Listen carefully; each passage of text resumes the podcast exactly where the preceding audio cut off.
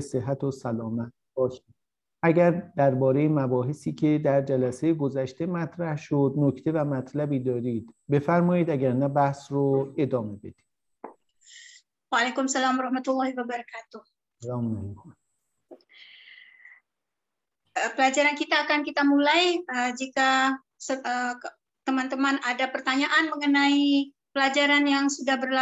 است که می‌خواستم به شما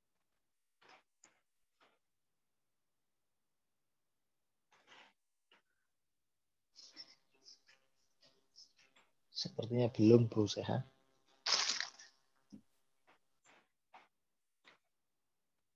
مثل که سوال نداریم خب اگه خاطر شریفتون باشه ما در جلسه گذشته به این مسئله پرداختیم که وقتی صحبت از تاثیر اندیشمندان غربی بر جهان اسلام می‌کنیم لازم هست ابتدا یک دورنمایی از ادوار تحول فکر غربی داشته باشیم و ببینیم وقتی متفکری در جهان اسلام برای مسائل سیاسی اجتماعی راه حلی و مطرح می‌کنه. این راه حل تا چه حد سبقه و رنگ و لعاب اندیشمندان غربی رو داره؟ برای این منظور پنج مرحله رو خدمتتون بیان کردیم. مرحله طبیعت مرحله وجود مرحله معرفت مرحله زبان و سرانجام مرحله اعتبار. و گفتیم که در تفکر غربی این مراحل پشت سر گذاشته شده و متفکر امروزین غربی تلاش نمی‌کنه مسائل خودش رو در سایه مباحث وجود حل و فصل کنه. اونی که برای متفکر امروز غربی اهمیت دارد مسئله اعتبار و قراردادهای اجتماعی است. امروز می‌خوایم یه الگویی رو ارائه بدیم که بر اساس اون الگو می‌توان متمرکز شد بر هر متفکری و در واقع آرا و اندیشه های او رو تجزیه تحلیل کرد. مطلبی که ما اکنون به دنبال اون هستیم مسئله روش و روش شناسی هست برای حل در واقع این سوال که هر متفکر چگونه از متفکر دیگه تأثیر پذیرفته. خب برای روش و روش شناسی ما دیگه نباید خودمون متأثر از اندیشمندان غربی بشیم. اگر در اینجا به سراغ متفکران غربی بریم در حقیقت خودش یک خطای دیگری خواهد بود. ما برای این کار خدمت عزیزان توصیه می‌کنیم که مقاله نظریه و فرهنگ نوشته جناب استاد پارسانیا رو مبنای کارشون قرار بدن. و نمی‌دونم آیا در گذشته این مقاله رو داشتید یا نه. Sebagaimana telah kita bahas pada pertemuan yang pertama yaitu kita memiliki periode-periode lima periode bagi perkembangan pemikiran yang ada di dunia barat. Dan sebenarnya kita sedang mencari sebuah penyelesaian satu satu pertanyaan mengenai bagaimana kita mendalami atau mempelajari uh, kesan-kesan atau pengaruh uh, pemikiran seseorang ilmuwan uh, atas ilmuwan yang lain. Tentu dalam hal ini kita akan menganggap salah apabila kita menyatakan bahwa para ilmuwan barat telah uh, berpengaruh di dalam uh, keilmuan umat Islam. Hal ini uh, tidak terjadi. Namun kita sedang mencari satu metode uh, bagaimana pemikiran suatu pemikiran berpengaruh atas uh, pemikiran yang lain. Uh, dalam sebuah makalah atau artikel uh, yang ditulis oleh uh, Dr. Porsonio uh, yang berjudul teori-teori uh, dan kebudayaan. Nazariye و فرهنگی بود اون مقاله بله بله نظریه و فرهنگی uh, ini artikel uh, apakah sudah pernah kalian dengar uh, Eh, atau melihat artikel ini yang berjudul Teori-teori dan Kebudayaan.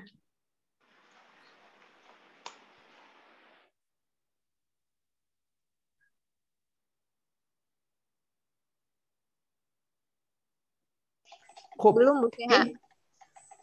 Mislike mo anos na on اون مقاله اصلا با اساتیدی که تا حالا داشتید این مقاله رو مطرح نکردن نه؟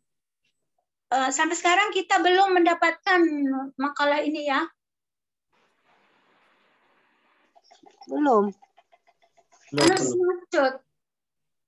خب ببینید این مقاله به زبان فارسی هست. اگر از عزیزان کسی بتواند اون رو به زبان انگلیسی ترجمه بکنه خیلی مفید میشه از این جهت که به هر حال متن منتقل بشه به دوستان. من سعی می‌کنم گزارشی از اون بدم.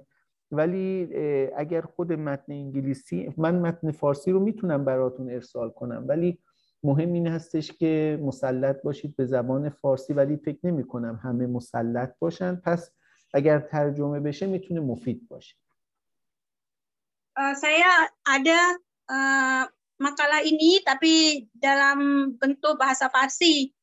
Eh, saya juga bisa mensenkannya dalam bahasa Inggris. شما تکس انگلیسی دارید؟ من نه من اه، تکست انگلیسی نه این مقاله اصلا ترجمه انگلیسی نشده فقط به زبان فارسیه ولی اهمیت داره مهمه و ارزش داره به انگلیسی ترجمه بشه Eh, artikel ini belum diterjemahkan dalam bahasa Inggris, masih tertulis dalam berbahasa Farsi dan memerlukan kemahiran yang tinggi untuk memahaminya. Dan eh, insya Allah saya berusaha untuk mengirimkan dengan dalam teks bahasa Farsi. Cuma با زبان فارسی ارسال میفرمایید بله من انشالله توی گروه به زبان فارسی براتون ارسال می‌کنم و انشاءالله اه، عزیزانی که می‌تونن محتواشو به انگلیسی برگردونن اگر اقدام بکنن خیلی مفید هست برای جلسه امروز و احیانا جلسه آینده مختصر میام محتواشو خدمتتون میگم Ya, makalah ini saya akan sendkan ke grup dalam bentuk teks Farsinya. Eh, kalau ada yang ingin eh, translatekan ke bahasa Inggris, eh, alangkah baiknya. Dan pada pertemuan-pertemuan yang akan datang dan sekarang ini kita akan menyinggungnya eh, artikel ini dalam eh, beberapa perkara. خب اما بریم سراغ روش تجزیه تحلیل تأثیر پذیری متفکران اسلامی از اندیشمندان غربی. در مورد متفکران اسلامی ما دو دسته از عوامل را می توانیم شناسایی بکنیم. یک دسته عوامل معرفتی هست و یک دسته عوامل وجودی. مراد از عوامل معرفتی مبانی هستی شناختی مبانی معرفت شناختی و مبانی انسان شناختی است. Baik, eh, pada pembahasan ini kita akan me- menjelajahi pemikiran eh, dunia Barat dan dunia Islam, namun kita akan memasuki eh, pembagian sebab-sebab eh, dikenalnya eh, pengetahuan. Jadi eh, dibagi kepada dua bagian, Eh, satu yaitu berkenaan dengan eh, ma'rifat dan kedua tentang wujud, pengenalan terhadap wujud. مبانی معرفتی دست کم سه دسته است یک مبانی هستی شناختی دو مبانی معرفت شناختی و سه مبانی انسان شناختی مقصود آن است که هر متفکر هنگامی که به نظریه پردازی می پردازد متأثر از سه دسته از مبانی است. یک مبانی هستی شناختی یعنی نوع نگاه محقق و پژوهشگر و اندیشمند به جهان هستی.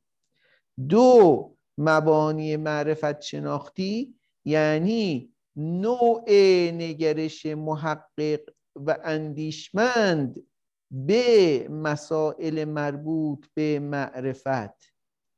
سه مبانی انسان شناختی یعنی مبانی و اصولی که نوع نگرش محقق و متفکر به انسان را تشکیل می دهد بنابراین هر نظریه و هر تفکری چه خود محقق به آن آگاهی داشته باشد یا نداشته باشد و چه محقق انکار کند یا انکار نکند حتما و حتما این سه دسته از مبانی را داراست و ما می توانیم با مطالعه و بررسی اندیشه های یک متفکر مبانی سگانه را از آثار او استخراج کنیم.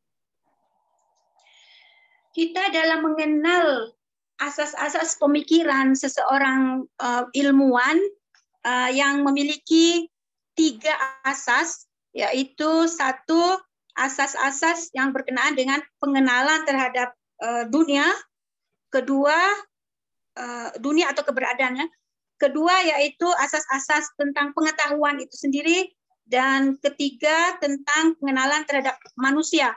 Setiap uh, kali kita ingin uh, meneliti pemikiran seseorang ilmuwan, maka tidak akan keluar daripada tiga asas-asas ini.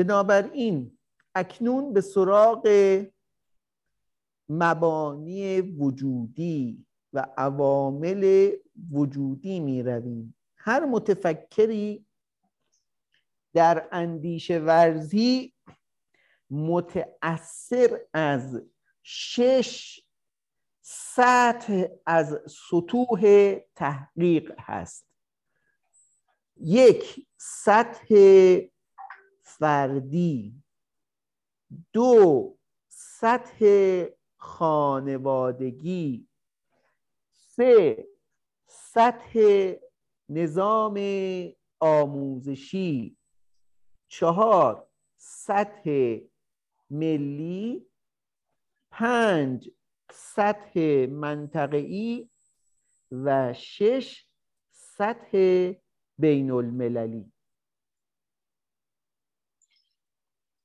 kita akan uh, meneliti tentang asas-asas uh, keberadaan yang dimana setiap pemikir mengenai keberadaan wujud uh, dia tidak keluar daripada lima uh, marhala ini yaitu satu uh, marha, marhala uh, fardi atau individu kedua uh, marhala keluarga atau khonewadegi keluarga. Yang ketiga adalah uh, pendidikan, uh, departemen pendidikan atau uh, pendidik uh, apa namanya nih uh, departemen pendidikan. Keempat uh, kebangsaan. Kelima uh, geografi Mantekei atau satu uh, tempat geografi. Ke enam adalah antarabangsa.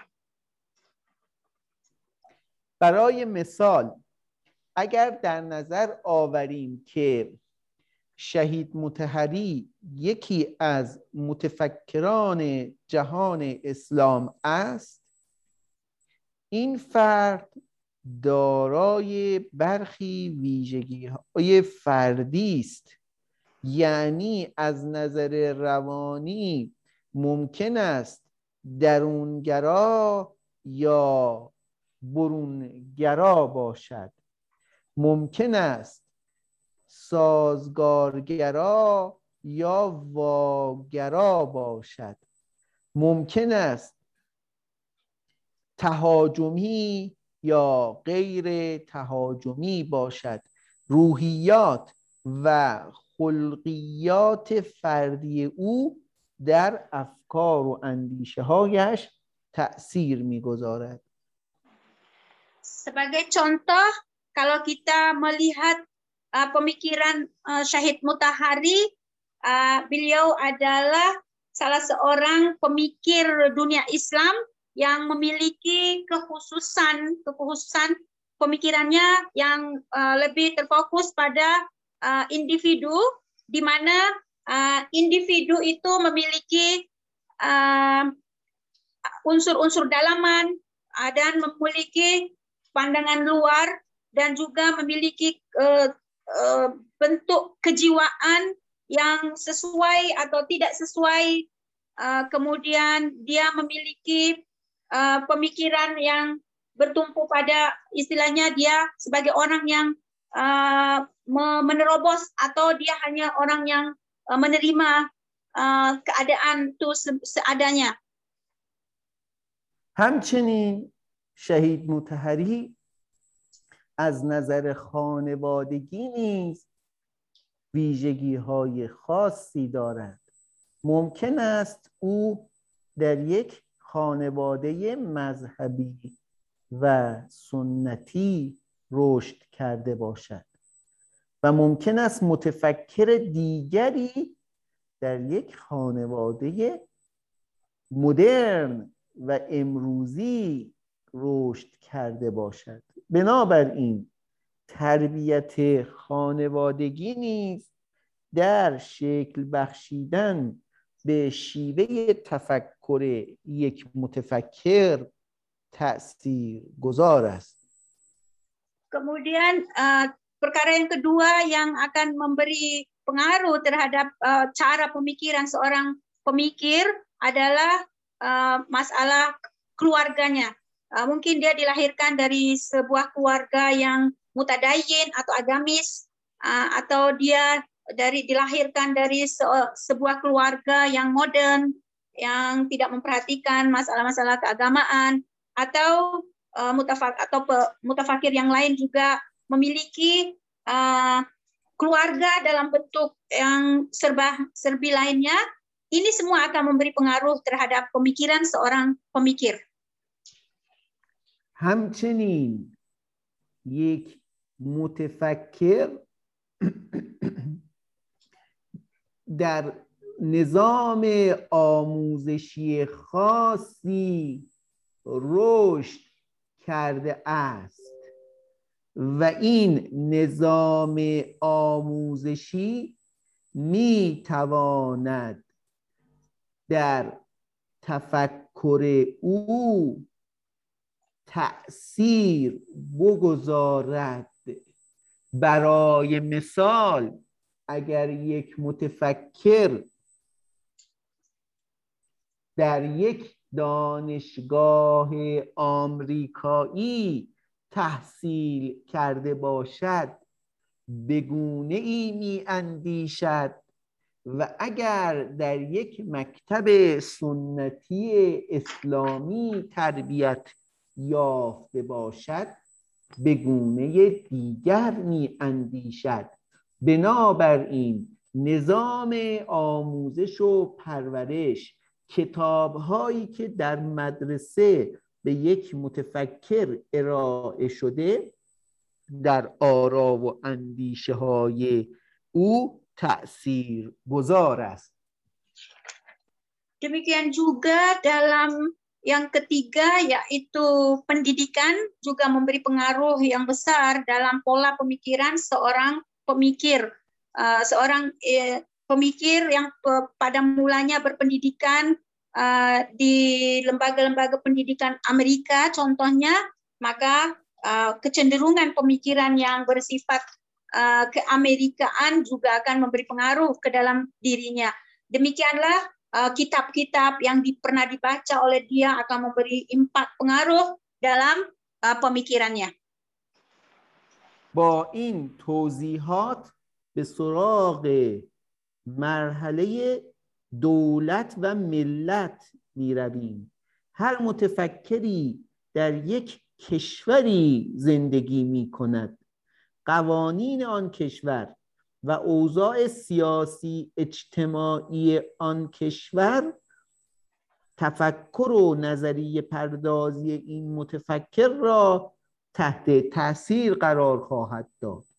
اگر نظام حاکم بر آن کشور سکولار باشد یا با دین ستیز داشته باشد شیوه تفکر متفکر جهت و مسیری خواهد یافت و اگر نظام حاکم بر کشور اسلامی باشد و از تعلیمات اسلام حمایت کند نحوه تفکر متفکر به گونه دیگری خواهد بود. Demikian juga pengaruh uh, miliat atau sistem kenegaraan yang dia hidup di dalamnya juga memberi pengaruh kepada uh, pemikiran para pemikir. Misalnya kalau negara itu adalah sebuah negara sekuler, maka dia akan menampilkan pemikiran yang uh, menentang agama dan demikian juga jika sebuah negara yang ditempatinya itu memiliki undang-undang yang berdasarkan atau Islamik, maka dia pun akan uh, memiliki pengaruh di dalam diri para pemikir. برای مثال امروزه در کشور ایران نظام جمهوری اسلامی حاکم است و از این رو متفکرینی که در این کشور زندگی می کنند بر اساس تأثیری که از نظام موجود در کشور ایران متأثر هستند به گونه می اندیشند و در یک کشور دیگری مانند آذربایجان یا دیگر کشورهایی که مردم مسلمان دارد اگر حکومت سکولار باشد مردمان و متفکران تأثیر گرفته و به شیوه های مختلفی ممکن است بیاندیشند demikian seperti contoh di negara Republik Islam Iran uh, memiliki uh, para pemikir yang uh, memiliki wawasan yang Islamik uh, karena dipengaruhi oleh uh, hukumat atau negara yang membina mereka di dalamnya. Demikian juga kalau untuk negara lain seperti Azerbaijan yang memiliki asas uh, kenegaraan bukan Islamik tetapi um, sekuler, maka uh, kaum muslimin yang hidup di dalamnya juga memberi impak, uh, merasakan impak uh, kesekulerannya uh, atas uh, pengaruh daripada kedaulatan sebuah sistem negara. مرحله بعد مرحله منطقه است. یعنی مسائل و مشکلات سیاسی اجتماعی که در یک منطقه وجود دارد می تواند بر افکار و اندیشه های متفکر تأثیر گذار باشد. برای مثال منطقه خاور میانه مجموعه ای از کشورها هستند که مسائل خاص خود را دارند و منطقه شبه قاره هند منطقه دیگری است که مسلمانان در آنجا مسائل متفاوتی دارند. بنابراین هر منطقه می تواند مسائلی داشته باشد که فکر و اندیشه متفکر را تحت تاثیر قرار دهد Demikian juga pengaruh uh, kawasan uh, geografi politik uh, itu uh, dapat memberi impak uh, pengaruh terhadap uh, pemikiran kaum muslimin di dalamnya seperti uh, Timur Tengah memiliki uh, pola pemikiran tersendiri yang berbeda dengan uh, kawasan lain seperti di uh, benua India atau di Asia memiliki uh, perbedaan perbedaan karena dipengaruhi oleh kondisi wilayah atau kondisi geopolitik yang dimiliki suatu tempat itu. مرحله دیگر مرحله بین المللی است در مرحله بین المللی نیروهای سیاسی اجتماعی مختلفی تأثیرگذار هستند که می توان برای نمونه رابطه میان جهان اسلام با کشورهای اروپایی را در نظر گرفت. خود همین مسائل سیاسی اجتماعی حاکم بر فضای بین الملل هم می تواند اندیشه متفکر را تحت تأثیر قرار دهد Demikian juga permasalahan antara bangsa, kondisi antara bangsa memiliki kesan atau pengaruh atas pemikiran para pemikir seperti dunia Islam dengan Eropa atau pola pemikiran antara bangsa yang ada sekarang ini ada memberi pengaruh kepada pemikiran para pemikir.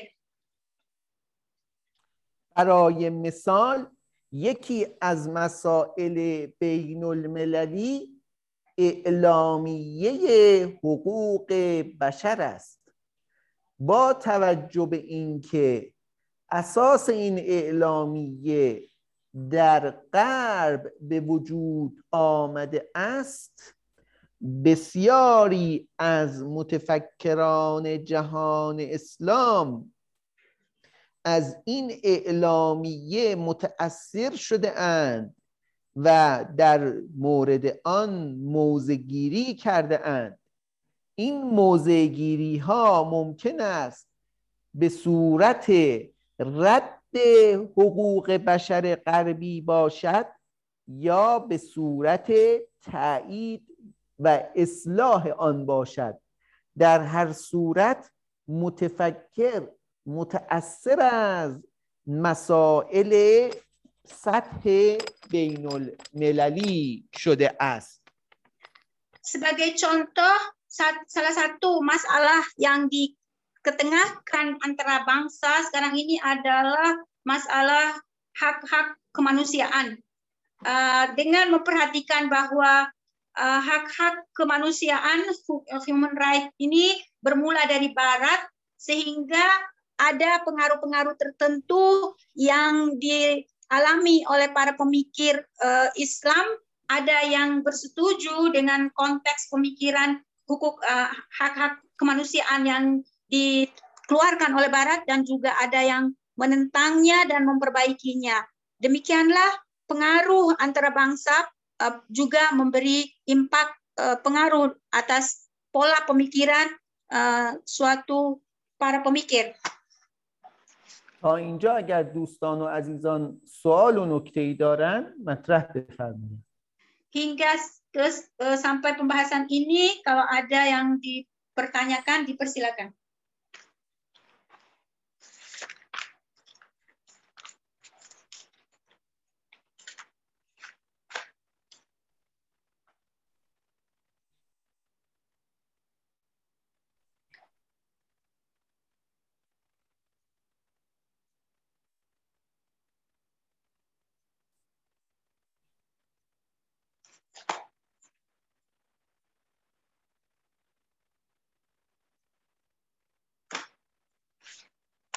استاد من سوال دارم. بفرمایید خدمتتون هستم.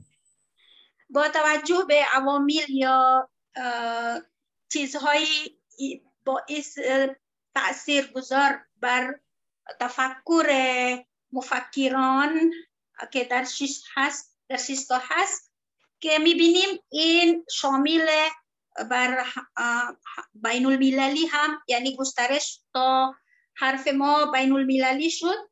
این موجب نگاه ما شمولی است. یعنی یک انسان در توی این دنیا در واقع خب می‌تونیم بگیم که باید قانون یک قانون باید بر پا بشه در این حکومت جهانی. من اونطوری می‌خواستم بگم که آن چیزی که تو اسلام مطرح است جهانی است. یعنی مثلا آمدن یک منجی عالم میگن. این هم این هم یعنی اشاره شده که این ما مثل که در این کره زمین تمرکز میشه به طرف یک یک نظام میشه. درسته؟ ببینید من مقصودم. حالا می‌خواید ترجمه بکنید سوال رو بعد من جواب بدم. Boleh. Tadi saya bertanya dengan melihat ilat-ilat atau sebab-sebab uh, yang berpengaruh, yang memberi pengaruh ke dalam pemikiran seorang pemikir uh, di dunia ini, baik Muslim atau bukan Muslim, dia seorang pemikir uh, dengan enam kategori yang memberi pengaruh dalam diri mereka sampai pada masalah antara bangsa. Ini mencerminkan bahwa sebenarnya kehidupan kita ini uh, memiliki satu arah di mana uh, mau tidak mau kita akan tergiring pada satu pola pemikiran bahwa kita adalah hidup di atas planet yang menuju kepada satu undang-undang dunia dan hal ini sudah di diisyarahkan juga dalam Islam di mana kita sedang menunggu misalkan uh, Imam Mahdi sebagai tokoh utama yang akan mem- memimpin dunia ini. Apakah betul uh, kita penalaran yang saya dapatkan ini dari pembahasan yang kita uh, bahas sekarang ini? Saya sudah pertanyakan demikian pada Ustadz. مقصود ما از سطح بین المللی یعنی در میان کشورهای مختلف خواه اسلامی خواه غیر اسلامی مسائلی وجود دارد که این مسائل باعث می شود یک متفکر ذهن خود را برای حل آن مسائل به کار گیرد. مثال ارز کردم که مسئله حقوق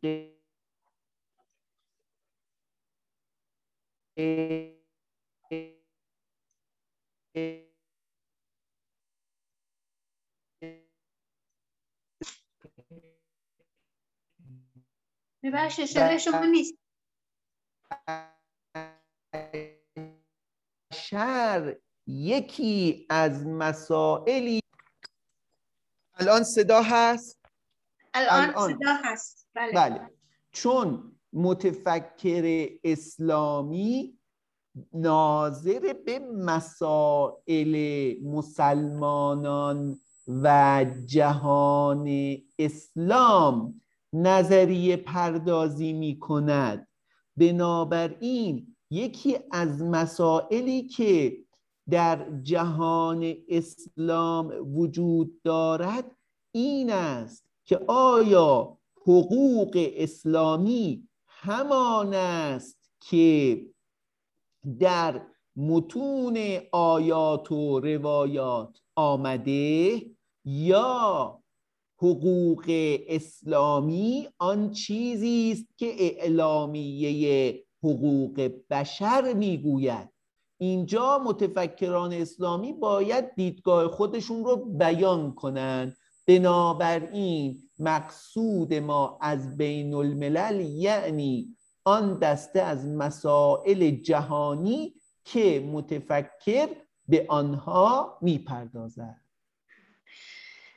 berkaitan dengan soalan tadi, Ustadz membetul, memberikan gambaran uh, tujuan daripada pembentangan uh, pengaruh antara bangsa itu yang bermaksud begini. Jadi uh, sekarang ini antara bangsa memiliki masalah uh, atau ada satu uh, yang dikembangkan adalah masalah hak-hak kemanusiaan, human right. Jadi apakah para pemikir Islam menanggapi munculnya ide untuk menegakkan hak-hak manusia ini uh, melihatnya dengan gambaran Islamik atau hanya karena dilaungkan oleh antara bangsa uh, sehingga menjadi satu bahan pemikiran mereka dan mereka mencari uh, solusi atau uh, menyelesaikan masalah hak-hak kemanusiaan yang sedang tenar dibincangkan antara bangsa. Itu yang dimaksud. با این توضیح در درس روششناسی اندیشمندان غربی تاثیرگذار بر جهان اسلام ما در صدد هستیم که نخست افکار و اندیشه های یک متفکر را بررسی کنیم.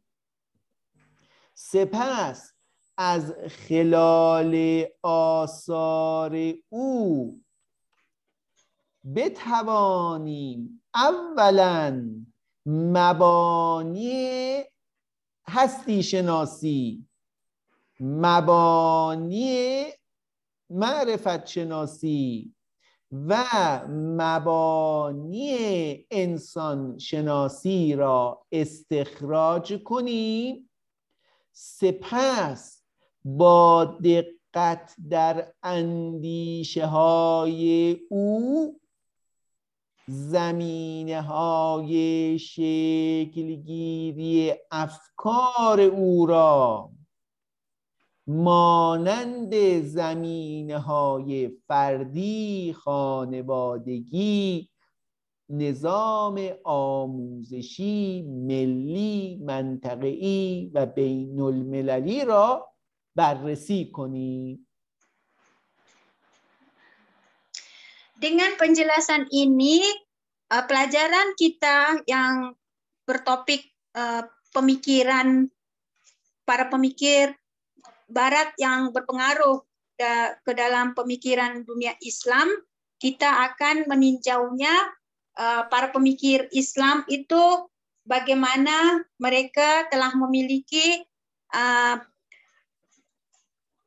tiang-tiang pemikiran mereka apa saja yang berkenaan dengan tiga uh, unsur yang utama yaitu uh, asas-asas tentang pengenalan dia tentang keberadaan, pengenalan dia terhadap uh, pengenalan ilmu pengetahuan ter, dan pengenalan terhadap pengenalan insan.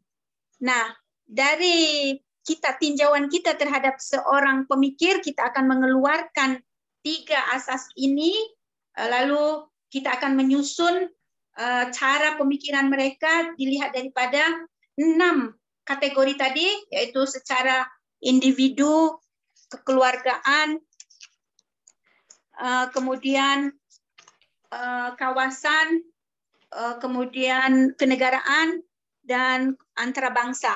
Jadi kita akan uh, dapat mengenal pola pemikiran seorang pemikir. خب ما برای ادامه بحث باید بر متفکران متمرکز شویم این متفکران معاصر دو دسته هستند. یک دسته متفکرانی که در ایران زندگی می کنند دسته دوم متفکرانی هستند که خارج ایران زندگی می کنند اکنون دوستان بفرمایند که با کدام متفکران ایرانی و جهان اسلام آشنایی دارند تا ما در این درس بر آنها متمرکز شویم و به روش شناسی اندیشه آنان و تاثیرپذیری احتمالی آنها از متفکران غربی بپردازیم kita dalam melanjutkan pembahasan dalam uh, tajuk pem, uh, pelajaran kita ini kita akan melihat uh, para pemikir kita akan meninjau para pemikir.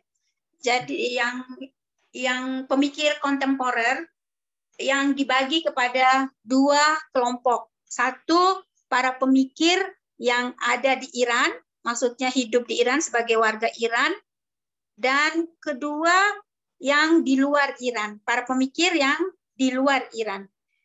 Maka saya meminta daripada kalian uh, para pemikir yang mana yang kalian kenal uh, sebagai pemikir Islam yang sebagai uh, orang Iran. Jadi berdasarkan itu kita akan mengkaji pemikirannya dan kita akan uh, menelaah kelanjutan apa pengaruh-pengaruh pemikirannya. Silakan, oh. ada yang kenal para pemikir Iran? Saya dosen NAS mungkin. Oh, Hanum Liz Farmudan, Ci Gufti, apa Liz? Siapa tadi? Eh, yang uh, pemikir Iran yang hidup di luar Iran itu biasanya saya dosen Nasr ya. Said Hussein Nasr. Okay. خب از نظر خانم لیس سید حسین نصر به عنوان ایرانی ولی در خارج ایران زندگی می‌کنه خب پس سید حسین نصر رو شما تا حدودی می‌شناسید بله kalau begitu Bulis uh, ada mengenal tentang Said Hussein Nasr nih beberapa tulisannya pernah baca sih, tapi tidak terlalu. Hmm. من چند تا نویسندگیشون خواندم خوبه بعد دیگه چه شخصیت هایی را میشناسید yang lainnya siapa pribadi-pribadi pemikir Iranian yang dikenali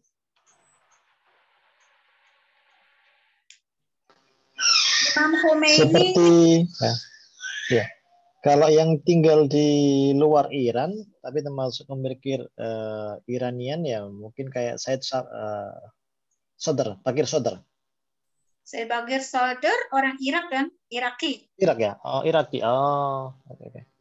ابن dari Ustaz pun خارج از ایران یعنی متفکر خارج از ایران بفرمایید چه کسی سید باقر صادر سید محمد باقر صدر بله دیگه چه کسی؟ خب yang lainnya uh, برای بنده این اول امام خمینی سید علی خامنه ای سید متحری Razi, Asrazi. Siapa? Mula Sadra. Mula Sadra. Mula Sadra. Mula Sadra Iranian eh? Bale. Khop. Mula Sadra. Oh, yang, yang tinggal di luar Iran ya?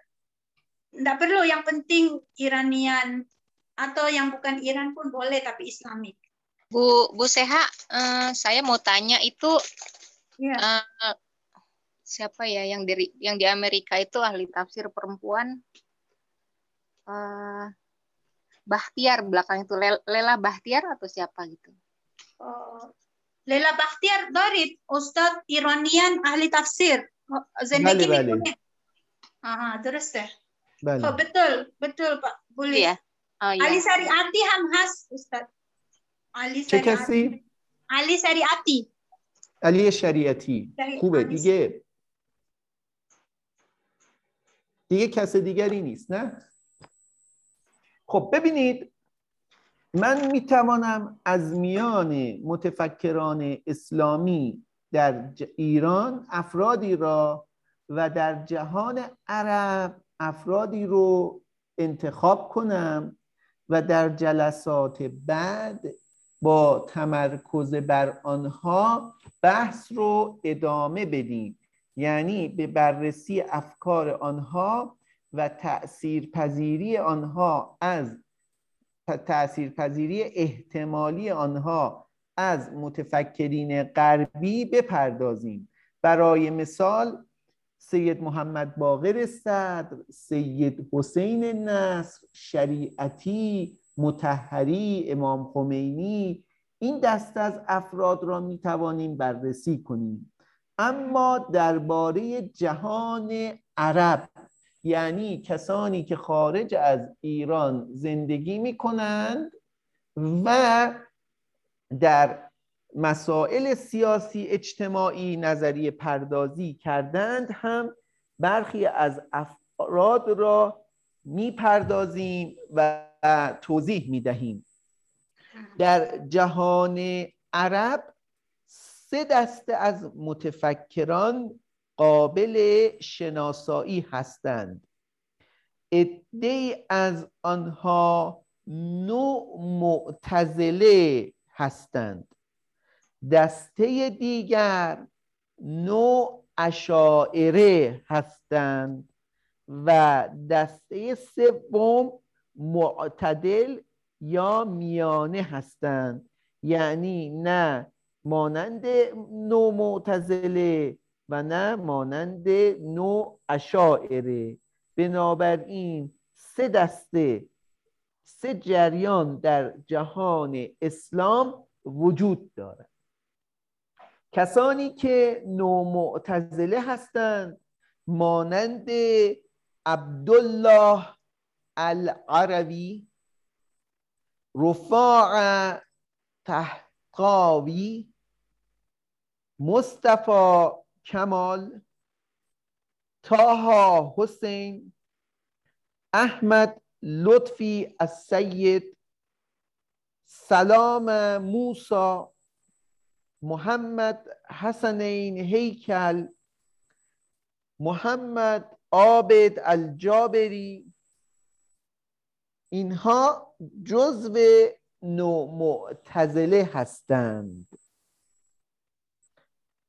برخی دیگر هستند که همچنان به عنوان نوع معتزله شناخته می شوند ولی آثاری در موضوعات خاص مانند تفسیر قرآن یا حقوق زن دارند. مانند امین خولی حسن حنفی علی عبدالرزاق نصر حامد ابوزید محمد احمد خلف الله عایشه بنت شاتی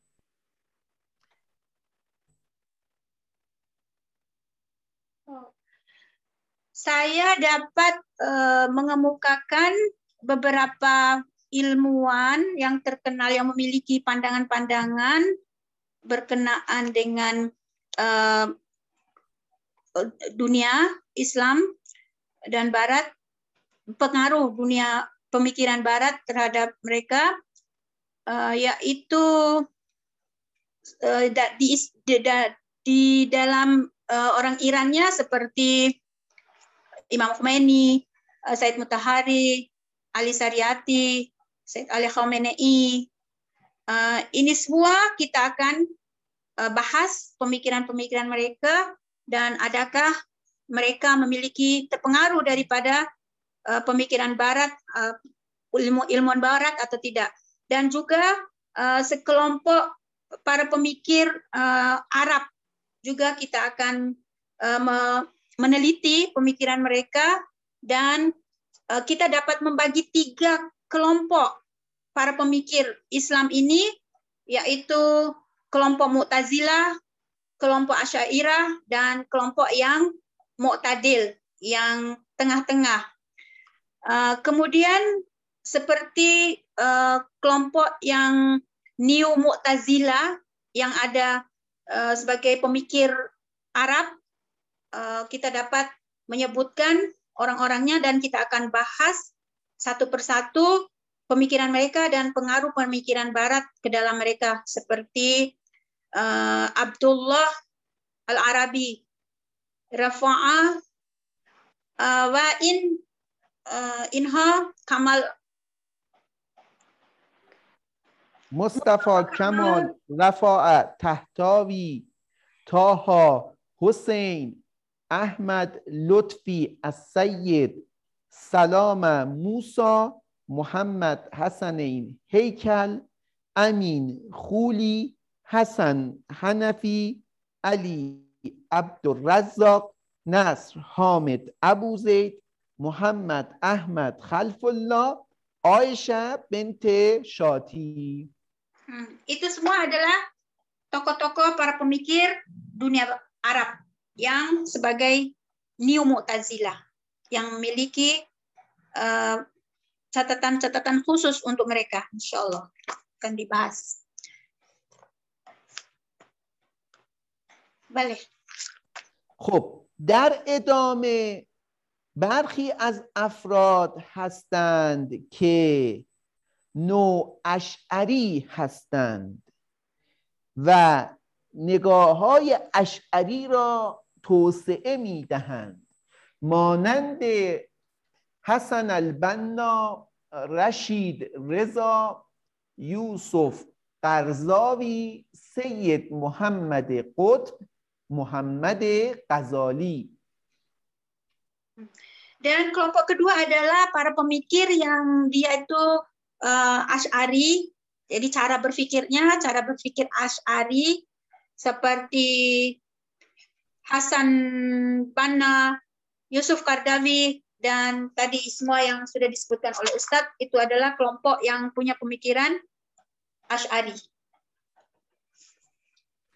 برای دسته سوم می توان از جمال الدین اسد آبادی یاد کرد که وی نه نوع معتزله است و نه نوع اشعری بلکه افکار و اندیشه های او در میانه قرار دارد.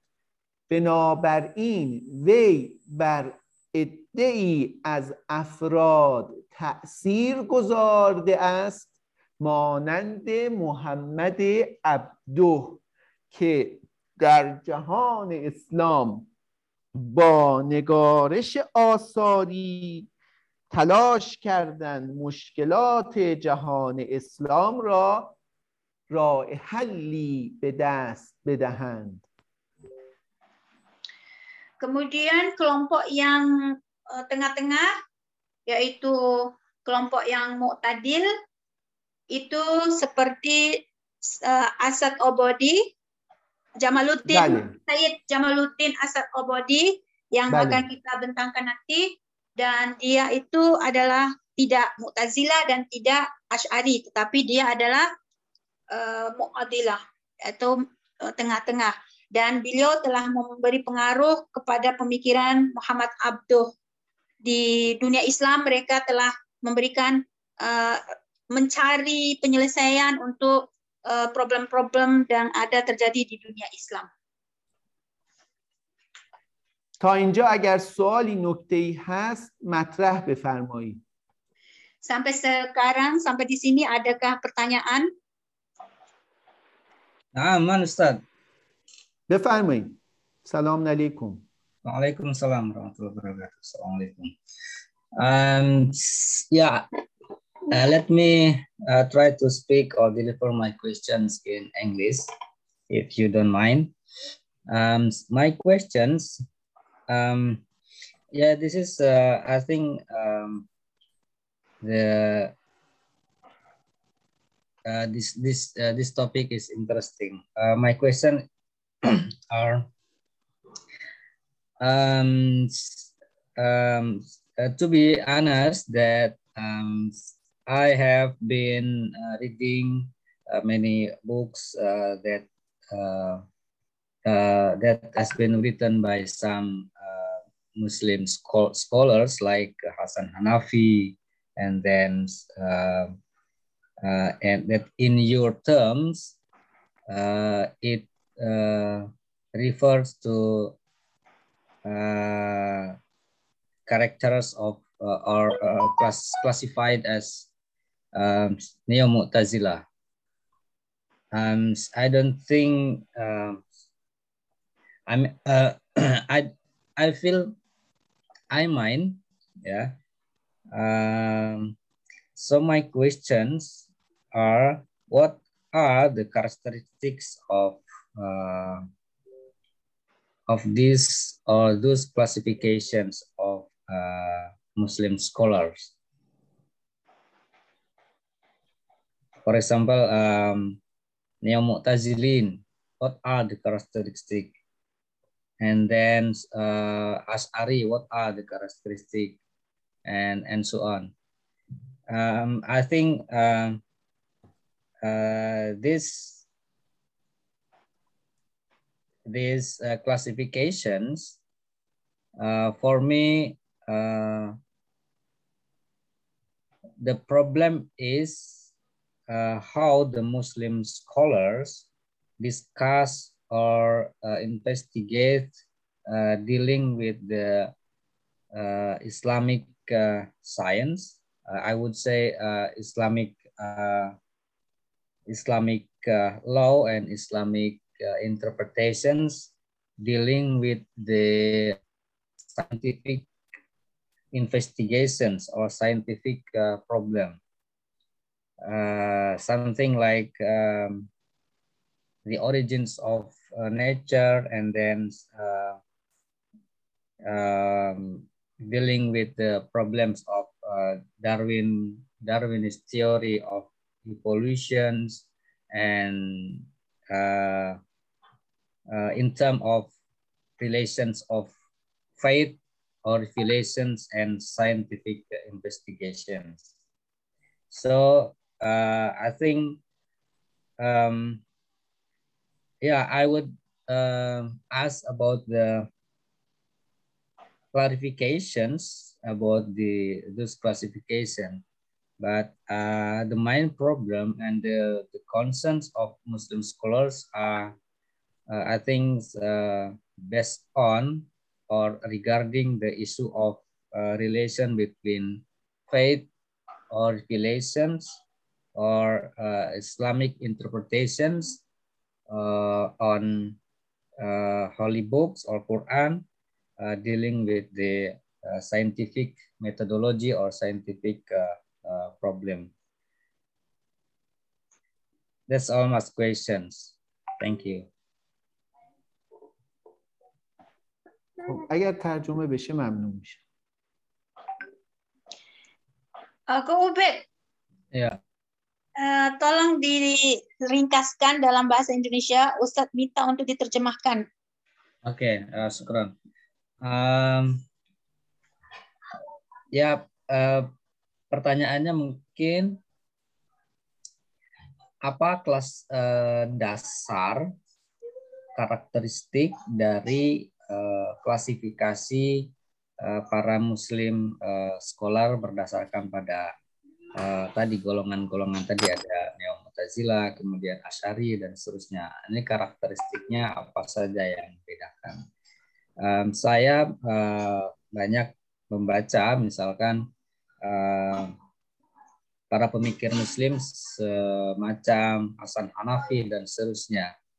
Tetapi yang menjadi problem adalah um,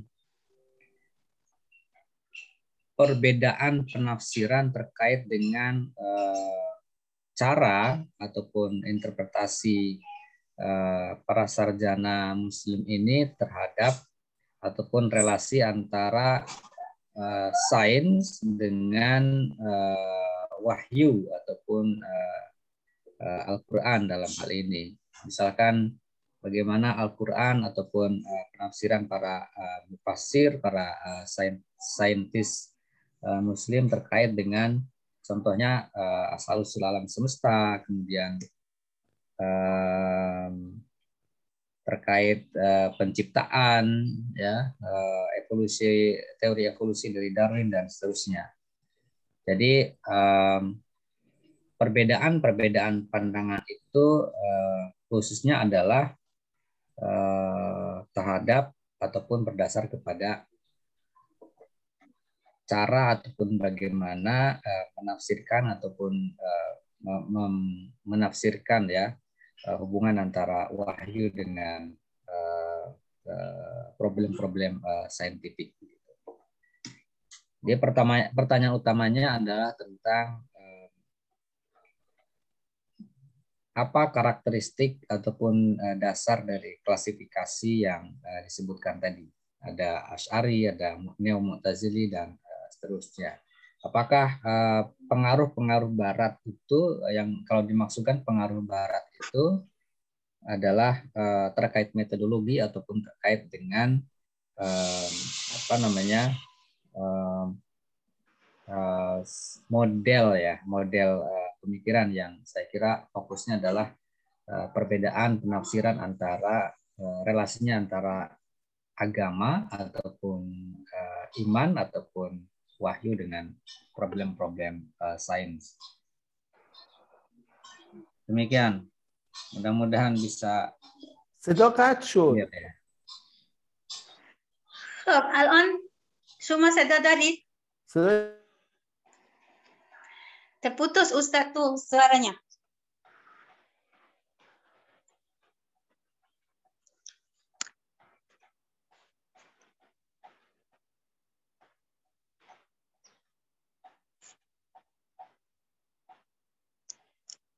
Nampaknya Ustaz sudah keluar. Masih ada, tapi suaranya nggak muncul ya.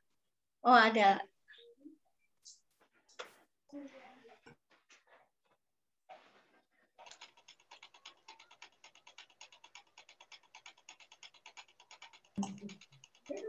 Nggak ada, keluar di beliau.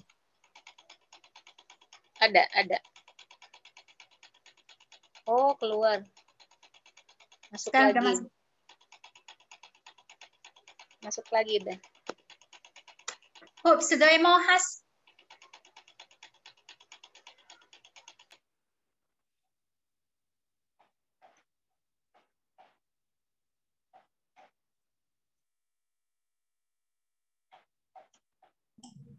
masih é mute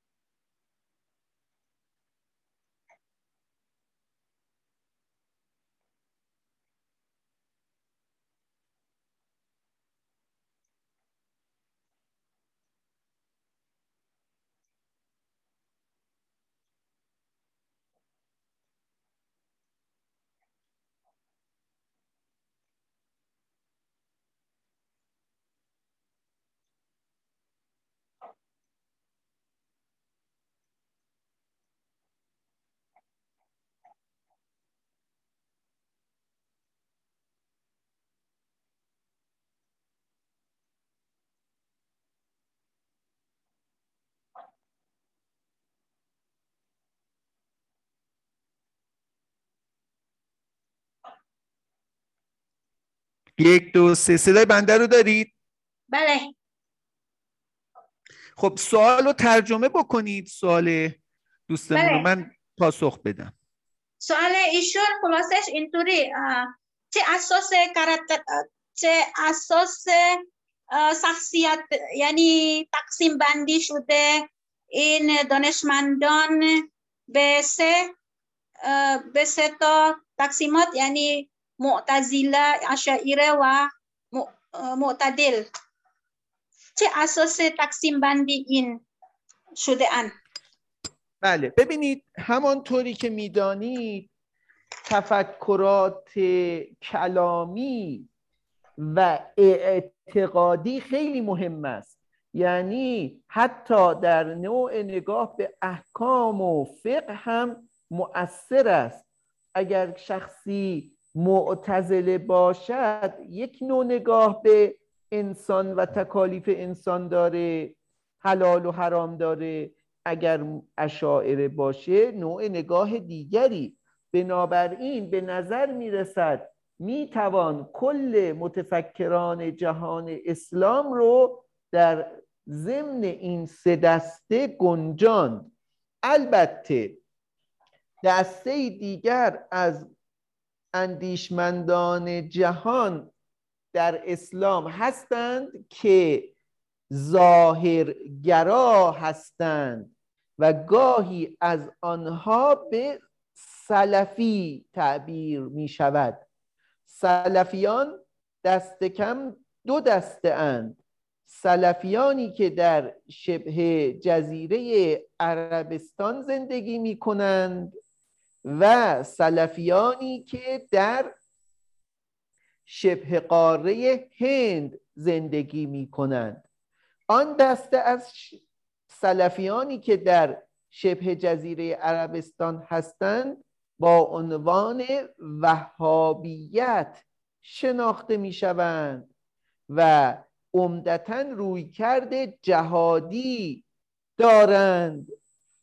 در حالی که سلفیان شبه قاره هند بیشتر نگاه صوفیانه دارند و به دیوبندیه مشهور هستند. بنابراین در مجموع می توان گفت عموم متفکران جهان اسلام در این طبقه بندی می گنجند sebabnya pembagian para pemikir ini dalam tiga kategori Ash'ari, Mu'tazila dan Mu'tadilah ini disebabkan masalah uh. Jadi iktikad itu yang menjadi asas uh, pembagian ini karena masalah itikat ini sangat-sangat penting dalam mempengaruhi pola pemikiran seorang pemikir. Uh, ada juga pembagian lain eh, yang keluar daripada tiga kategori ini yaitu uh, kelompok yang disebut dengan uh, Zohiriyah yang uh, yang mereka ini juga dibagi kepada dua bagian yang hidup di Arabistan dan hidup di um, Hindia, maksudnya di benua India. Nah, yang hidup di Arabistan ini uh, memiliki arus pemikiran jihadi uh, dan mereka uh, berbeda dengan uh, Salafi. Uh, jadi Zahirin nama lainnya ada Salafi. Kemudian Salafi yang lain yang kure yang hidup di benua India berbeda dengan yang hidup di Arabistan itu memiliki pemikiran sufistik. Jadi Salafi ada dua, Salafi yang bersifat Wahabi dan Salafi yang bersifat sufistik. Jadi yang mempengaruhi terbagi, ter, terbaginya kepada tiga kelompok umat Islam ini dikarenakan masalah berdasarkan uh, masalah kepercayaan atau itikad.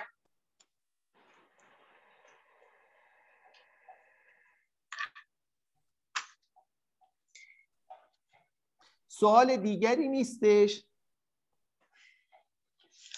Ada lagi pertanyaan yang lain?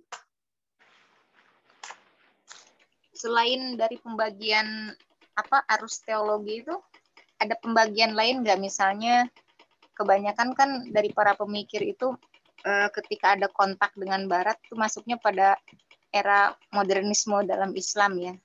Misalnya kita masukkan dalam kategori modernis dan neomodernis begitu. Ada uh, so, سوال دیگه از خانم لیس گفته که خب از نوع تقسیم بندی دیگه هم داریم. می‌تونی باشه. مثلا از یعنی بنابر به مدرنیزم و تأثیر گذاره یعنی بعد از تأثیر گذاره تفکر غربی موجب در آمدن این گروه متفکران در اسلام هستند. یعنی مدرنیز و نیو مدرنیز. این هم می‌تونه باشه در این بحث وارد میشه؟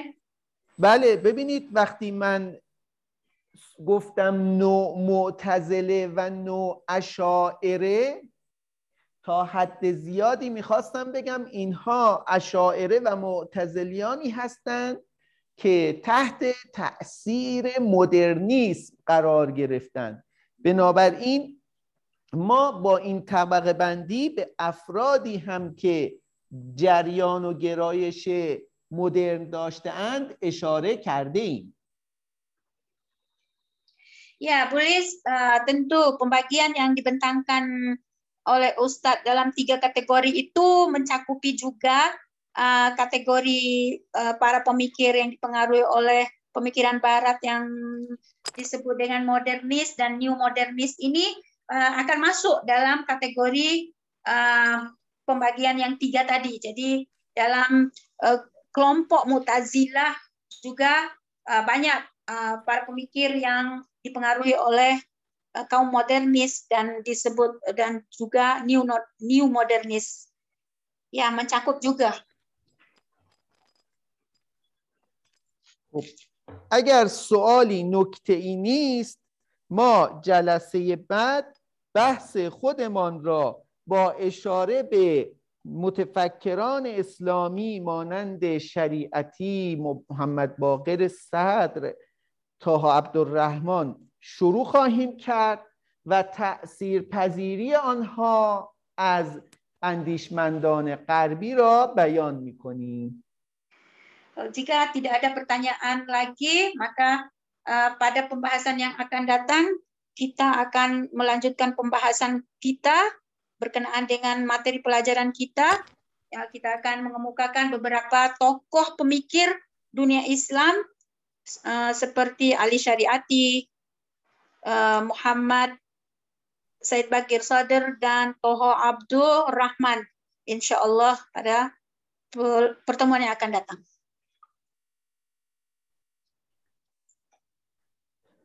خب اگر سوالی نیست تا هفته بعد خدا حافظ و موفق باشی agar tidak ada pertanyaan maka saya mengucapkan selamat tinggal dan sampai jumpa pada akan datang Thank you very much. جزاك الله خير. في أمان الله ووفقكم الله لمرضاته. آمين. آمين. آمين. 嗯，太辛了。